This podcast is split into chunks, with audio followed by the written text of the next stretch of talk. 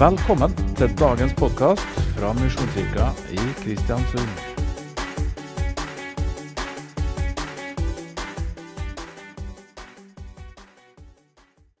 Men i dag så er altså, og det, det visste jeg for så vidt, eh, hva som venta meg i dag eh, når eh, jeg begynte å kikke på kirkeårets tekster. fordi at jeg visste at i dag så er det første dagen i kirkeåret.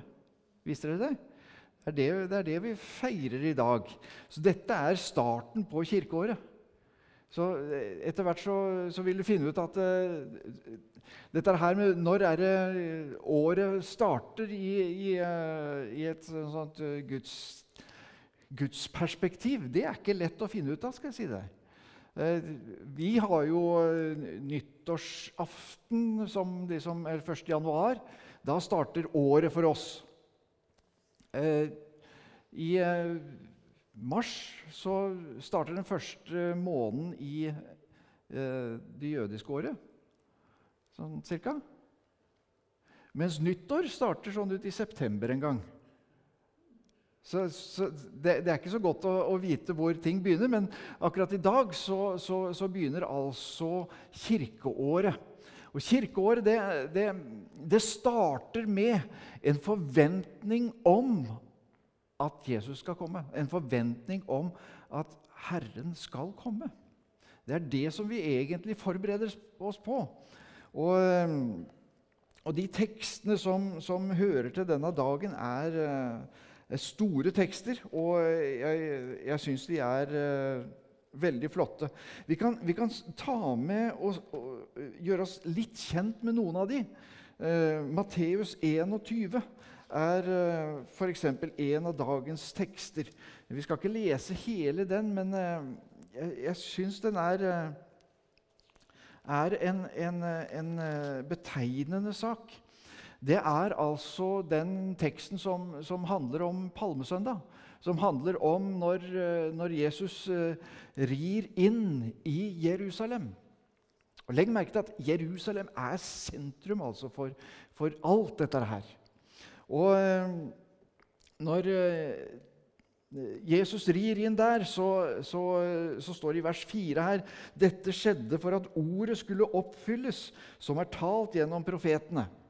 Det, bare den setningen der. Dette skjedde for at det, skulle oppfylles, det som var talt gjennom profetene. En ting skal du eh, bite deg merke til. Det er at eh, ingenting av Guds ord kommer til å gå til spille. Det skal oppfylles alt sammen.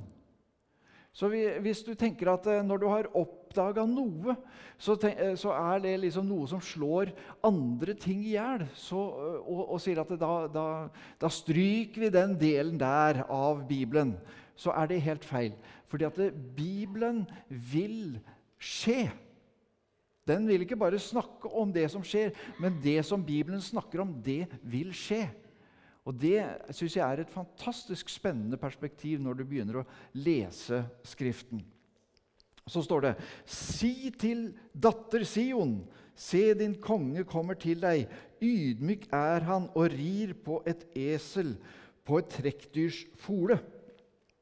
Det er ikke lett å gjenkjenne en konge på et esel. Det er ikke lett å gjenkjenne en konge i den ydmykheten som Jesus presenterer seg på. Og Litt lenger ned her så, så er det akkurat som om hele, hele Jerusalem våkner til liv gjennom det som skjer. Husk på, Dette har vært profetert gjennom så lang tid. Eh, vi- skal snakke mer om dette her på tirsdag, men eh, jeg skal prøve å bite meg i tunga når jeg begynner å, å ta for mye av det som blir på bibeltimen. Men eh, dette er fantastisk spennende. Hosianna, Davids sønn, velsignet er han som kommer i Herrens navn. Hosianna i det høyeste. Merker at her er det en lovprisning til kongen, til Messias, den som de venter på, og som hele nasjonen har vært retta imot og vært bygd på i all tid. Det er responsen når Jesus ydmykt rir inn på en eselfole. Det er akkurat som han Jeg prøver å snike meg inn greie. Mens eh, hele, hele, Jerusalem på en måte vil respondere på at det nå kommer kongen. Og Jeg syns dette her er veldig, veldig fascinerende. Eh, du vil se i Bibelen at det er lag på lag på lag. Og det er noe av det som jeg syns er, er, veldig fascinerende. Det er at eh, når vi snakker om Jesu komme, så snakker vi om det komme her, der han kom første gangen.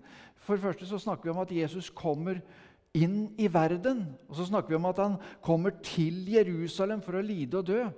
Og så snakker vi om at Jesus kommer igjen som seierherren og kongen, som vil erkjennes og lovprises av hele Israel på en gang. Og Da tror jeg vi vil se at hele verden vil anerkjenne og si det var virkelig du som var Messias. Men inntil det så er det lag på lag som vi på en måte får del i og får tak i. Og eh, Bare for å være litt i datingmodus her eh, Når en eh, en brud og en brudgom det er jo et av bildene som også er på dette her. Det er at en brudgom og en brud skal feire bryllup. Men når en brudgom skal fri til sin brud, så tar han turen ifra sitt hjem, ifra sin bolig, og så beveger han seg hele veien fram til der hvor kvinna han skal fri til, bor. Det er aldri den andre veien. I jødisk kultur så er det mannen som frir til dama. Punktum. Og det er han som tar reisa ifra sitt hjem, sin bolig, over til den jenta han vil gifte seg med. Og når vi feirer jul, så feirer vi at Jesus, eller Gud, tok reisen ifra sin evighet, hinsides tid, rom og materie, og blir en av oss for å vinne seg en brud her. Han tok den reisa. Så dette er på mange måter et slags frieri som Jesus kommer på her. Han kommer og, og tilbyr eh, sin verden. Og så er spørsmålet vil du dele denne verden med han. Dette er frieriet. Det som vi sier Har du tatt imot Jesus? Har du blitt frelst? Har du eh, bedt bønnen. Jesus kom inn i livet. Det er din respons på dette frieriet. Og så begynner den kjærlighetshistorien som jeg tenkte at eh, Kanskje vi skulle tenke på gudstjenesten som en date. Som et sted der vi viser vår hengivelse til vår kommende brudgom der vi kan få lov til å bli mer kjent med hvem han er. Og Det er derfor for meg et gudstjeneste uten Guds nærvær er stusslige greier. Jeg vet ikke om dere er enig i det? Derfor er på en måte Guds nærvær noe av det som jeg har, har mest nese etter, og tenker at Wow, å, nå er du nær. Nå er du nær. Derfor er noe av det som vi, vi gjør, vi forbereder, vi, vi, legger til rette for at det skal bli en date, en, en tid der vi kan få lov til å pleie fellesskap og bli dypere kjent med hverandre. Er det forståelig? At jeg tenker på det på den måten. Og Dermed så, så blir disse sangene som du vegra deg litt for, Tommy, å, å synge, så blir de helt meningsfylte. Fordi at de blir på en måte en, en, en, en hjelp for oss til å sette ord på vår kjærlighet til Gud. Så skal jeg prøve å hjelpe oss videre inn i å bli kjent med gjennom Guds ord. Derfor er forkynnelsen så viktig hver eneste gang. Det holder ikke bare å føle og kjenne og bare ha en, en sånn en, uh, tid hvor vi, vi, vi er nødt til å snakke sammen nå. Vi er nødt til å, og på En måte, altså en date der man bare ser hverandre i øya, det kan bli litt sånn rart etter hvert. Men en date der man faktisk snakker sammen, og man deler av hvem man er, til hverandre, så får man en dypere kjennskap til hverandre. Og merk, merk deg det. Du kan gå på date hver eneste dag når du har en bibel. Hver eneste dag så kan du møte Jesus Kristus, din tilkomne her, i denne boka. Han er Ordet. Han er på en måte eh, Dette, dette er Jesus på trykk, om du vil. Men det er altså scenen uh, jeg, jeg, jeg, er fascinert av Jeg, jeg vet at jeg ikke får preka så veldig mye i, i uh, advent, så tar jeg litt ekstra nå. Er det greit? Den, når, når, Jesus kommer for første gang, så, så kommer han eh, som offerlammet. Han kommer som den som, som, på en måte Det har vært forberedt gjennom hele historien fram til at han kommer inn i tiden. Og når han kommer, så kommer han til eh, Betlehem, på utsida Jerusalem. Og vet du hva som var spesielt med de Betlehemsmarkene der? Jo, det var et produksjonsområde av offerlam som skulle ofres i gudstjenesten i Jerusalem. Fascinerende, ikke sant? Han ble født på, i Betlehem. Og de første som kommer og besøker ham, det er faktisk disse gjeterne som tilfeldigvis var ute om natta, noe de vanligvis ikke er hvis ikke det er lammesesong. Og fordi det var lammesesong, så var de ute der og passa på flokken sin, sånn at fødslene skulle gå bra. Og den natta fødes altså Guds lam. Det er ikke spennende? Og når eh, da dette, dette skjer der så, så, så bryter altså hele himmelen løs med å lovprise Gud i det høyeste. Fred på jorden blant mennesker som han har velbehag. Vet du hva? Han leita etter deg fordi at han ville ha seg en hustru. Og du er hans utvalgte. Det er litt rart for oss mannfolk å være hustru, men uh, vi får tåle det. Og når, eh, når da uh, dette skjer, så er dette her det, Dette er så orkestrert at jeg må si at jeg blir bare fascinert over hvordan Gud har kontroll på alt sammen. Jeg skal ikke ta hele denne historien her nå, men så, så ser vi at eh, det er noen ting som, eh, som du får en for, fornemmelse av når du leser en del skriftsteder. At eh, ja, dette var det. Men så hvor er dette?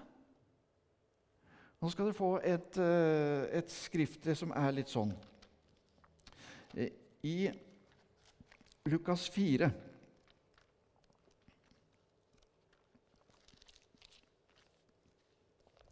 Der er Jesus i en synagoge i Nasaret.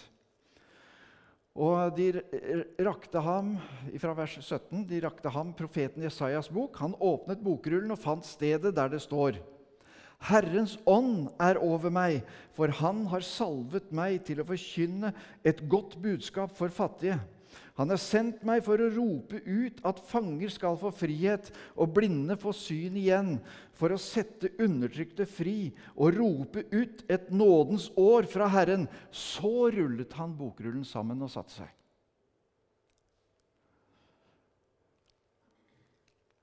For det første han kommer inn i synagogen på denne sabbaten som dette var lesestykket som han skulle lese. Og så sier han at i dag så ble dette oppfylt mens dere hørte på. Men hvis vi går tilbake til Jesajas, hvor dette henter jeg fra Jesajas 61 så kan vi se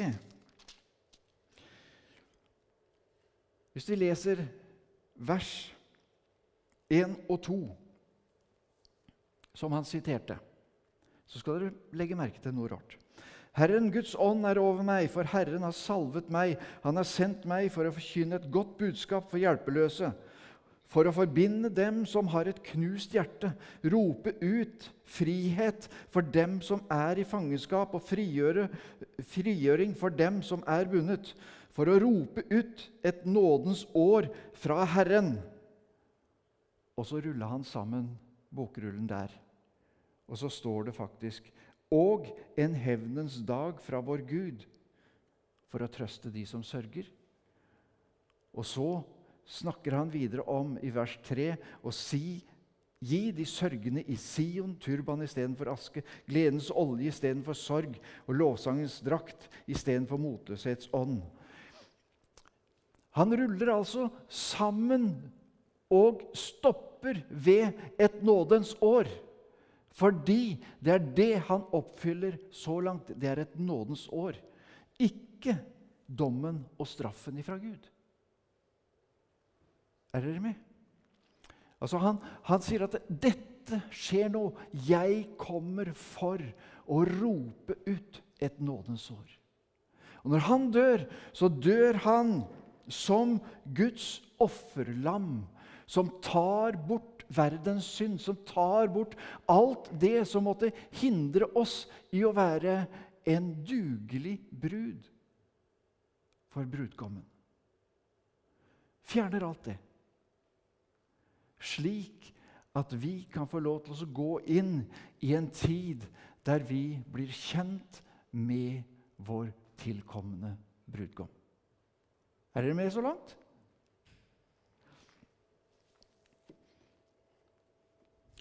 I eh, 1948 så ble Israel igjen en nasjon. Da fikk de tilbake landet sitt for første gang på nesten 2000 år.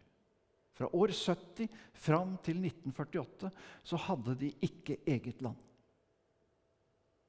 Samme året er en gjetergutt som kaster noen steiner inn i ei hule og hører at det sprekker noen krukker. Og der inne så finner de en masse ruller av skrift, bl.a. Jesajas-boka komplett. Som var langt gamlere enn den vi hadde tatt vare på hel på den tida. 900 år eldre enn den vi hadde eh, tatt vare på til, til, da. Og Det er akkurat sånn som Gud sier at eh, nå begynner resten av det som er profetert. Det er akkurat som han sier at Legg merke til at det, som skjer nå, det er at jeg legger flere av disse puslespillbitene sammen, slik at du kan få lov til å se at denne tida som du nå går inn i, den tida som du lever i, er en profetisk tid hvor han er i ferd med å oppfylle resten av sitt ord. I hvert fall mye mer enn det vi kunne tenke oss. Jerusalem er igjen anerkjent som Israels hovedstad. Og det er kjempeviktig. Er det noen hovedstad som hører til et land, så er det Jerusalem som hører til Israel. Og det som skjer Når, når de fikk landet, så, så, så, var det ørken. Det var altså så goldt og så ødelagt som det kunne få blitt. Så begynte de å, å grave fram både byer og, og, og begynte å, å, pløye marka. Og igjen så er altså Israel et fruktbart land. Eh, bare for å ta med det eh,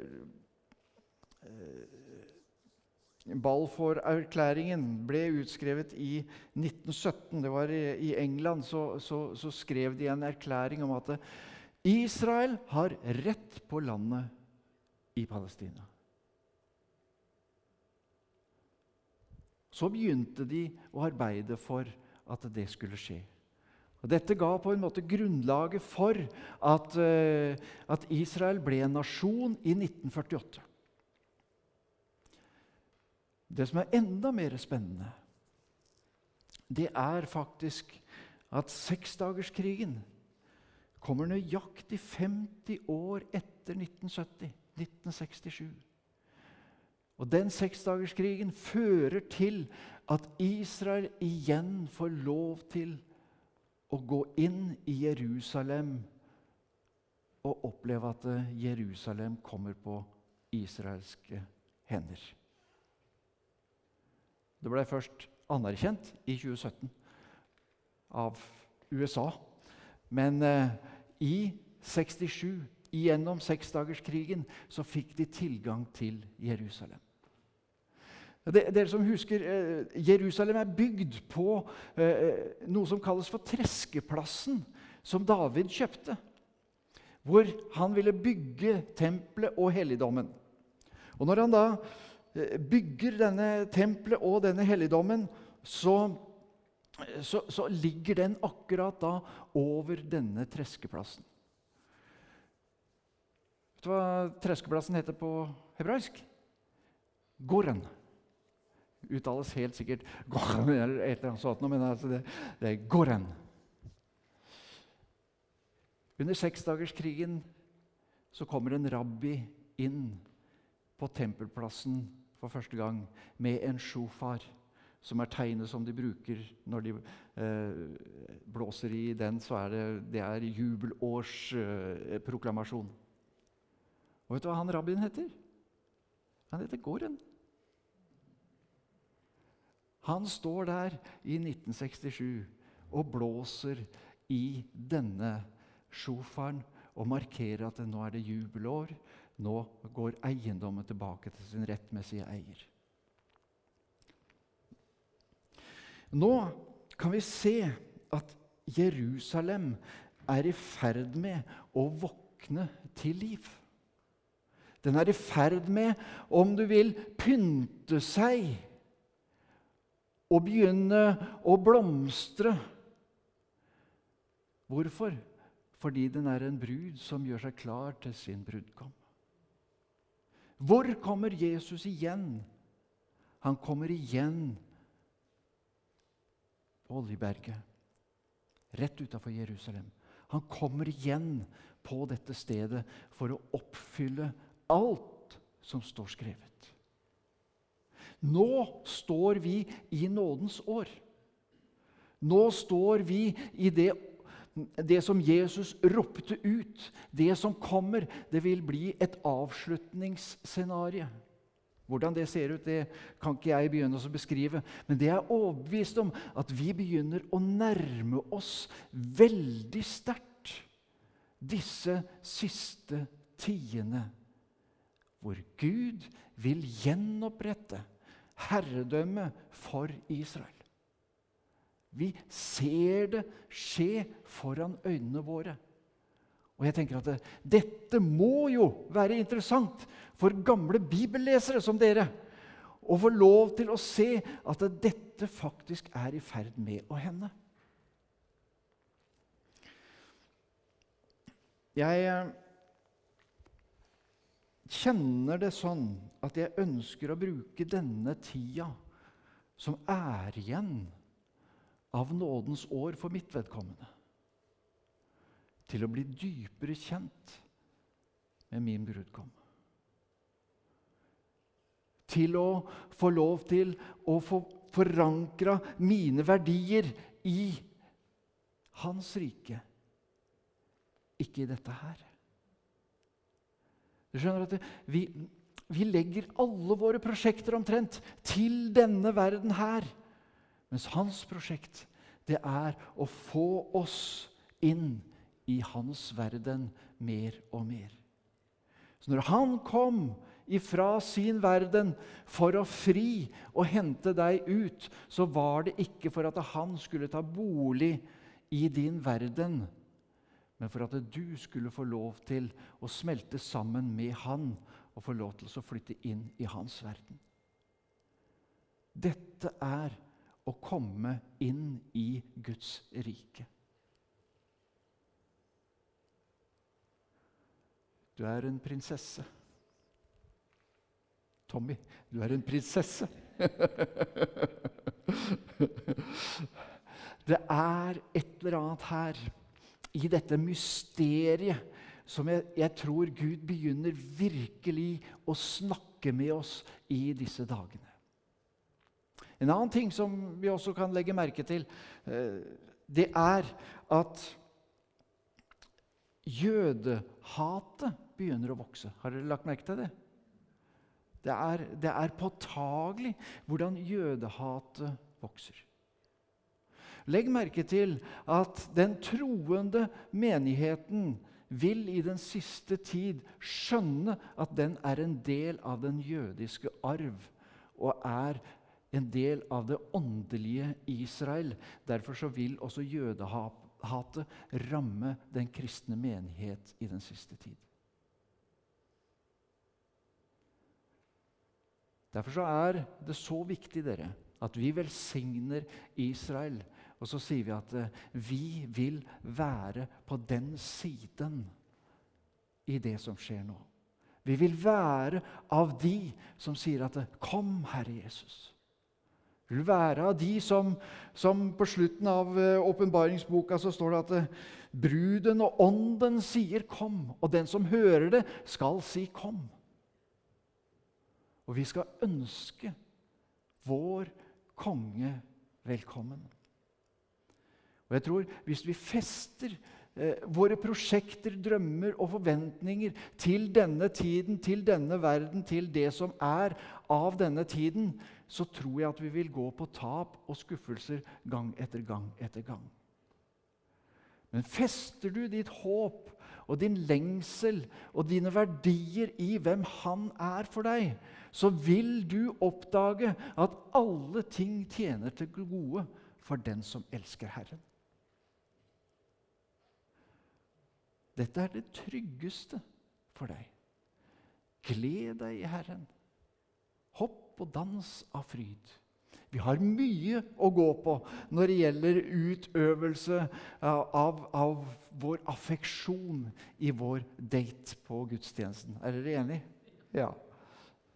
Vi ser egentlig litt sånn ut til å sitte i hvert vårt hjørne av en kafé og lure på er det han eller er det han.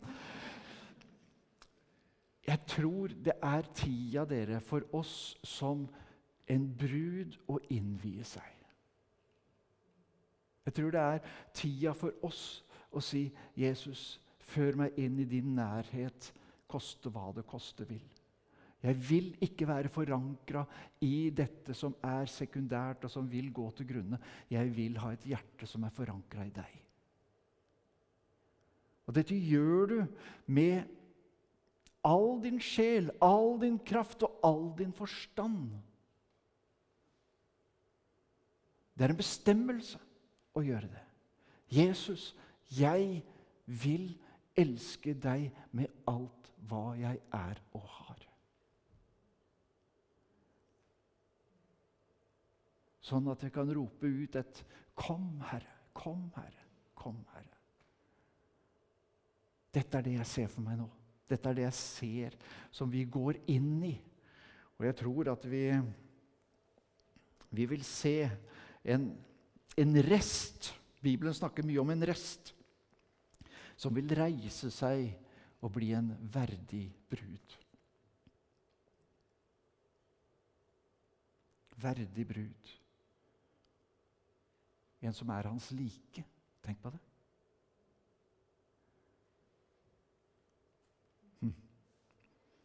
Spennende greier. Dette vil jeg dele med dere i dag. Skal vi be. Jesus, kom og rør ved oss, Herre, sånn at vi kommer ut av kjedsommeligheten og likegyldigheten og ut av alt dette halvgodte og stusslige som vi ofte legger vår tillit inn i, Herre. Hjelp oss, Herre, til å se deg, til å oppdage den kjærligheten du har for din brud. Og hjelp oss, Herre, til å, å få et øye som bare er vendt imot deg. Jesus, vi lengter etter å kjenne ditt nærvær. Vi lengter etter at du er den vi møter når vi møtes her, Herre. Derfor ber vi, Herre, kom med din herlighet inn i dette rommet, og la det flyte av ditt nærvær, Herre. Jesus, hjelp oss til å tilbe. Hjelp oss til å gi en respons på hvem du er, Herre. Og la oss få lov til å kjenne hvordan din herlighet tar oss videre, Herre, inn i din verden. Amen. Takk for at du hørte på dagens budskap. Du finner flere podkaster fra oss hvis du søker opp Misjonskirka Kristiansund på f.eks. Spotify, Google Podkast eller Apple Podkast. Ønsker du å være med og gi en gave til arbeidet vårt, kan du gi en gave på VIPS til nummer 123 806.